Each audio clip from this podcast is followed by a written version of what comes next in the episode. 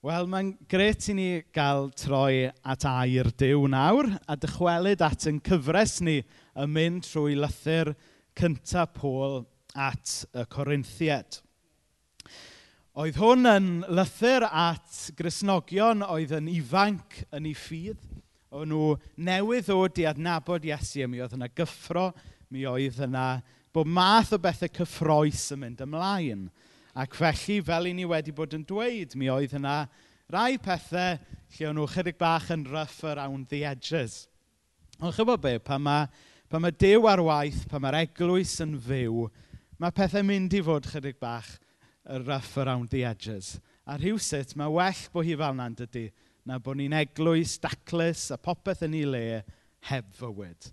Mae well gen i weld eglwys sy'n rough around the edges a bywyd iddi na popeth yn ei le a popeth yn ddiflas a marw. Ac eglwys gyffroes yw'r eglwys yma yng Nghorinth. Eglwys sy'n derbyn dau lythyr gan Pôl yn dysgu mwy iddyn nhw ynglyn â Iesu, yn helpu nhw um, weithio allan be mae'r ffydd newydd yma'n golygu iddyn nhw dydd i ddydd. Ac dyw e ddim jyst yn air gan ddiw i'r eglwys yma'n yn Corinth 2,000 o flynyddoedd yn ôl, a mae hwn yn air byw gan ddew i ni heddiw. A ni wedi cyrraedd um, y ddegfed benod. Nawr, gewch chi ddarllen y benod ar ei hyd pan ewch chi adre. Achos mae e'n benod eitha cymleth. Peidiwch poeni, dwi ddim mynd i fynd trwy'r benod yma yn fanwl. Be dwi'n mynd i wneud bore yma yw, yw trio rhoi snapshot o'r darlun mawr sy'n cael i roi. Ond dwi am ddarllen yr adnodau yma o benod 10, adnodau 23 a 24 i ddechrau. Rhyfyd i beth wneud dwi eisiau, meddech chi. A dwi'n ateb, dydy popeth ddim yn dda i chi. Er bod rhyfyd i mi wneud beth dwi eisiau, dydy popeth ddim yn adeiladol. Dylwn ni ddim ceisio'n lles ein hunain, ond lles pobl eraill. Wedyn, neidio ymlaen chydig adnodau i adnod 31. Dyma pam. Wrth fwyta ac yfed, neu wneud unrhyw beth arall wir, dylech chi anrhydeddu Dyw. Ac mae hynny'n golygu osgoi gwneud niwed i bobl eraill, yn iddewon, yn bobl o genhedloedd eraill, neu'n bobl sy'n perthyn i eglwys ddew. Dyna dwi'n ceisio i wneud. Dwi'n ystyried beth sy'n gwneud lles i bawb arall yn lle meddwl beth dwi fy hun eisiau. Dwi'n meddwl am bobl eraill. Dwi eisiau iddyn nhw gael eu hachub. Nawr, fel o'n i'n dweud, mae'r mae benod yma eitha trwm a mae, e, mae, na, mae rhan cynta'r benod yn sôn am wersi Israel o ran ialwch. Mae yna rhan wedyn yn sôn am, am gam ddefnydd o amgylch swper yr arglwydd. Wedyn mae e'n mynd mlaen i sôn am defodau paganaidd ynglyn a, a bwyd ac offrymu aberth. A dwi ddim mynd i fynd ar ôl hwnna i gyd yn fanwl gyda chi bore yma. Ond y darlun mawr sy'n cael i edrych arno yn y benod yma, ac yn wir trwy y llythyr, ydy'r cwestiwn yma o eilyn addoliad. Um, yn Saesneg, idolatry. Y syniad yma o gymryd rhywbeth sy'n falle'n dda ac yn iawn yn ei le, ond i godi fe i lefel lle ni yn addoli y peth yna yn hytrach na rhoi yn addoliad i Iesu. Cymryd rhywbeth sydd, sydd yn dda, rhywbeth sydd hyd yn oed falle yn rodd gan ddew, ond bod ni'n trin y peth yna wedyn fel dew i hun. Nawr, bach o gyd-destun Corinth i chi. Pam oedd Paul yn sôn am eilynaddoliaeth, idolatry gyda'r Corinthiad yma? Wel, oedd Corinth ar y pryd yn hotbed o eilen addoliaeth o wahanol fath. I ddechrau, mi oedd um, rhyw, rhywioldeb a camdrin ynglyn â rhyw a rhywioldeb yn yn math o eilyn addoliaeth oedd yn digwydd yn Corinth ar y pryd. Mi oedd yna deml paganaidd yna, ac yn y deml paganaidd mi oedd yna um, buteinied yn gweithio yn, yn fechgyn ac yn ferched. Lot ohonyn nhw mwy na thebyg yn, yn, yn blant mewn gwirionedd, a mi oedd yna gamdrin yn digwydd yn y temle yma. A mi oedd, mi oedd rhyw, rhywbeth da sy'n rodd gan ddew, wedi cael ei exploitio a'i droi yn ddew a troi yn rhywbeth eilyn a ddolgar. Wedyn, un peth arall oedd mynd ymlaen yn Corinth oedd yr holl arferion yma o gyflwyno aberth, cyflwyno anifeiliad fel aberth. A mae'n debyg mi oedd gymaint o aberthu yn digwydd yn y temle, mi oedd e'n llythrenol yn overflowio allan o'r temle, a mi oedd marchnadoedd y ddinas yn llawn y cigoedd yma oedd wedi cael ei offrymu fel rhan o'r defodau paganaidd. Mae'n eitha doniol os chi'n gallu dychmygu fod jyst y cig yma bob man. Os chi'n gallu dychmygu Will Butch yn trio, o, cewch am mwy o, cewch am mwy o chicken, cewch am mwy o chicken fel mae o bore dysadwn efo ni, te, tegwedd.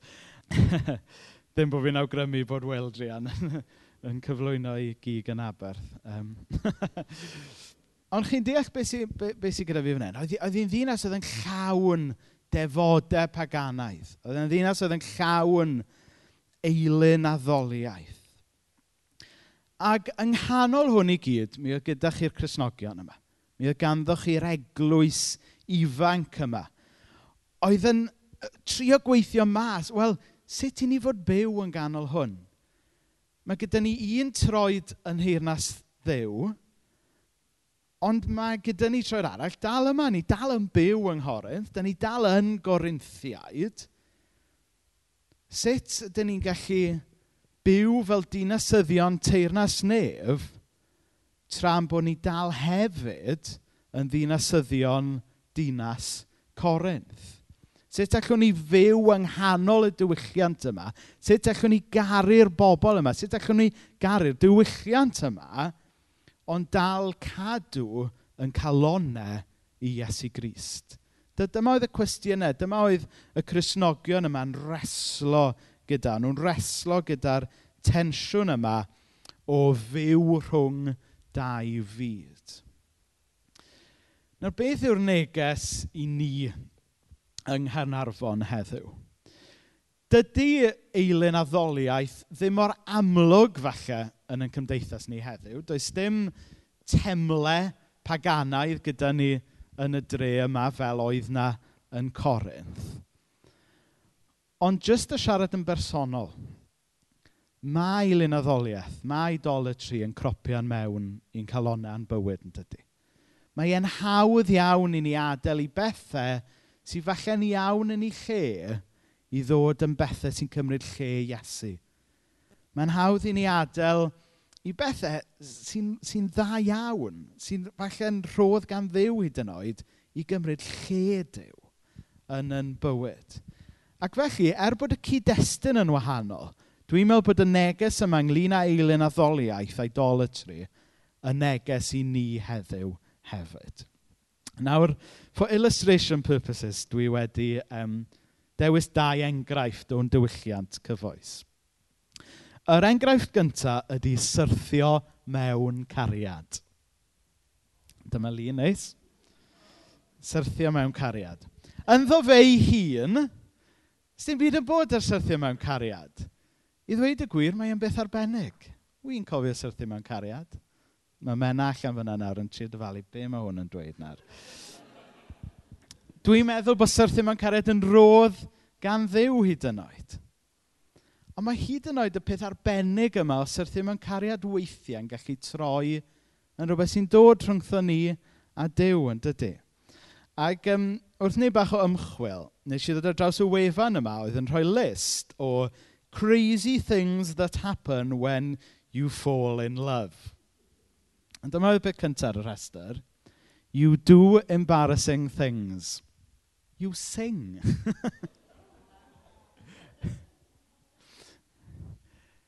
you do things outside of your comfort zone. A wedyn hwn yr un ola dwi'n licio. You smile when you're alone. A mae'r pethau yma i gyd yn wir yn dydyn.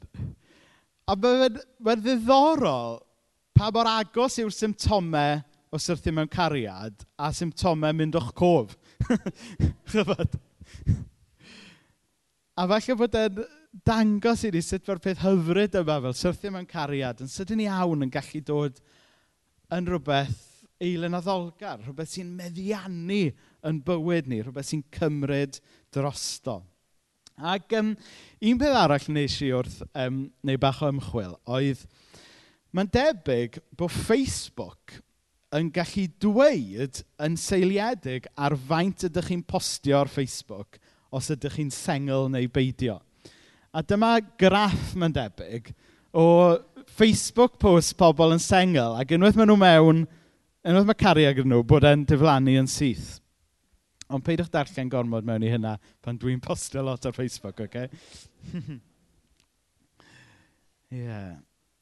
Hynny yw, y pwynt dwi'n trio wneud ydy, a pwynt mae'r graff yma'n dangos mewn gwirionedd, mae rhywbeth fel sut mae'n cariad, mae'n gallu meddiannu eich bywyd chi'n dydy. Ac a mae rhywbeth hyfryd am hynna. Ond mae'n hawdd i rhywbeth da, rhywbeth hyfryd fel sut mae'n cariad, ddod yn eilyn a meddiannu'ch bywyd mewn ffordd sydd ddim wastad yn helpful. Yn arbennig os yw e'n dod rhwngtho ni a Iesu. Yn arbennig os yw e'n cymryd y lle yna yn yn calon, mae dim ond Iesu fod i'w gael. So un, un enghraifft arall i chi. Bwyd. Nawr mae bwyd yn gallu bod yn eilen yn yn cymdeithas heddiw. Mae'r ma teledu yn llawn rhaglenni coginio. Dyma screenshot o um, iPlayer. Ar, gyda'r BBC mae ar iPlayer BBC, mae'n adran just ar gyfer rhaglenni bwyd. Allwch chi wylio Two Greedy Italians, Simply Nigella, Hairy Bikers, Nigel Slater's Dish of the Day, Mary Berry Every Day, neu degau o'r rhaglenni eraill, a mae rheina dim ond yn rhaglenni BBC. A beth sy'n ddiddorol am y rhaglenni coginio yma a sy- mae'n sytl iawn 'dyn nhw ddim just yn gwerthu bwyd i chi ond maen nhw'n gwerthu lifestyle i chi yn dydyn? A dwi'n gwybod bod yna lot o bobl yma eisiau bod... ddim just eisiau coginio fel Mary Berry. da chi eisiau bod y Mary Berry. Mae yna rai yma sydd ddim just eisiau coginio fel Nigella. Chi eisiau bod y Nigella. A dwi'n cofio pan o'n i yn iau a dechrau dangos diddordeb mewn coginio, o'n i ddim jyst eisiau coginio fel Jamie Oliver. O'n i eisiau moped, o'n i eisiau chwarae drums, o'n i eisiau'r package cyfan. A, a be, mae'r, be dwi'n trio rhannu gyda chi mewn ffordd ysgam fan hyn, yw bod e'n hawdd i ni adlu ddiddordebau, pethau da, pethau hyfryd, i gymryd drosto yn bywyd mewn ffordd eitha crefyddol. A dyna yw eilyn addoliaeth, ynddo fe? gadael i bethau, pethau sy'n falle'n dda, pethau sy'n iawn yn ei lle, i gymryd lle Iesu yn yn calon ac yn y bywyd. Mae Paul fan hyn, acta 17, nid gyda'r Corinthiad mae'n siarad fan hyn, ond mae'n siarad gyda pobl Athen. Mae'n dweud fel hyn, mae Dyw wedi diystyru'r fath ddwli yn y gorffennol, ond bellach mae'n galw ar bobl ym mhobman i droi ato. So mae e'n sôn am bethau yn diwylliant Athen oedd pobl wedi gwneud yn ddew, wedi gwneud yn eilunod. A falle bod Dyw yn, yn siarad gyda ni yn gyffredinol fel diwylliant, falle gyda chi yn, yn bersonol bore yma. I chi weld beth yw'r pethau yna sy'n eich bywyd sydd falle wedi dod yn ddew dy fach yn ein bywyd. Beth ydy'r pethau yna sy'n dda go iawn? So pethau fel syrthio mewn cariad, bwyd, adloniant, chwaraeon, eich swydd, hyd yn oed y capel. Pethau sy'n dda, pethau sy'n rhodd gan ddew, ond sydd wedi dod i gymryd lle dew, cymryd lle Iesu yn ein bywyd. Dyma yw her Pôl i'r Corinthiaid. Dyma yw her Pôl i ni. Achos dim ond Iesu sy'n gallu llenwi'r twll yna yn yn calon ni go iawn. Dim ond Iesu sy'n gallu delio gyda'n cywilydd ni. Dim ond Iesu sy'n gallu cynnig maddeiant i ni. Dim ond Iesu sy'n gallu cynnig gobaith i ni pan mae popeth eraill wedi mynd bach yn pasau. Falle fod cariad bwyd rygbi hyd yn oed y capel yn rodd gan Iesu. Ond fel mae Williams Pantical yn dweud, mae'r Iesu yn fwy na'i roddion. Mae, mae Dyw yn rhoi y pethau hyfryd yma i ni. Nid i gymryd i le, ond er mwyn i ni fwynhau nhw a rhoi clod iddo fe. Oedd pobl Corinth, hyd yn oed y Cresnogion yn Corinth, yn ffeindio eu hunain yn, yn gadlu bethau eraill cymryd lle Iesu yn yn calon nhw. Ond mae Paul yn dweud, yn Iesu y gallwn ni trystio. Mae pethau eraill yn iawn yn ei lle, ond allwn ni ddim adeiladu'n bywydau ar y pethau yna. Dim ond ar Iesu y gallwn ni roed yn trust. Dim ond ar Iesu y gallwn ni roed yn traed i lawr a gwybod yn bod ni'n saff. Rai blynyddoedd yn ôl, oedd Andy yn rhannu stori gyda ni yn y bala, dwi'n meddwl, am gêm oedd ei arfer chwarae gyda'i ffrindiau pan oedd e'n fach. Pan o'n nhw'n mynd i gerdded yng nghefn gwlad, o'ch chi weithiau mynd trwy gau gyda um, buwchod yn y cae. A falle bod chi wedi ffeindio'ch hunain yn cerdded trwy cae lle mae yna fuwchod wedi bod yna. A da chi'n gwybod fod y buwchod wedi bod yna achos chi'n edrych ar y llawr a mae, chyfod, mae'r baw yna, yn dydy. Um, a weithiau mae'r baw wedi sychu yn ni, dim problem. A fe'n hyn fan draw wnewch chi weld rhyw gylch brown sydd ddim yn edrych mor sych a hynny. A penderfynodd Andy a'i ffrindiau bydden nhw yn dyfeisio gêm newydd o'r enw Trust the Crust. Ac, um, a, a beth oedd tu ôl y gêm oedd, oedd bod rhaid i Andrew a'i ffrindiau edrych ar y baw yma ar y llawr a trio wneud y judgment call a oedd e wedi sychu trwyddo neu beidio. Achos oedd pob un o'r tu allan yn edrych yn sych. Um, a wedyn oedden nhw, ie, 'na ni, dwi'n meddwl bod hwn yn sych, a neidio ar ei bennau. E, a weithiau mi oedd e'n sych a oedd popeth yn iawn, ond weithiau oedd e'n lib, ac oedd 'na lanast yn bob man. Trust the crust, a mae'r boi 'ma nawr yn weinidog.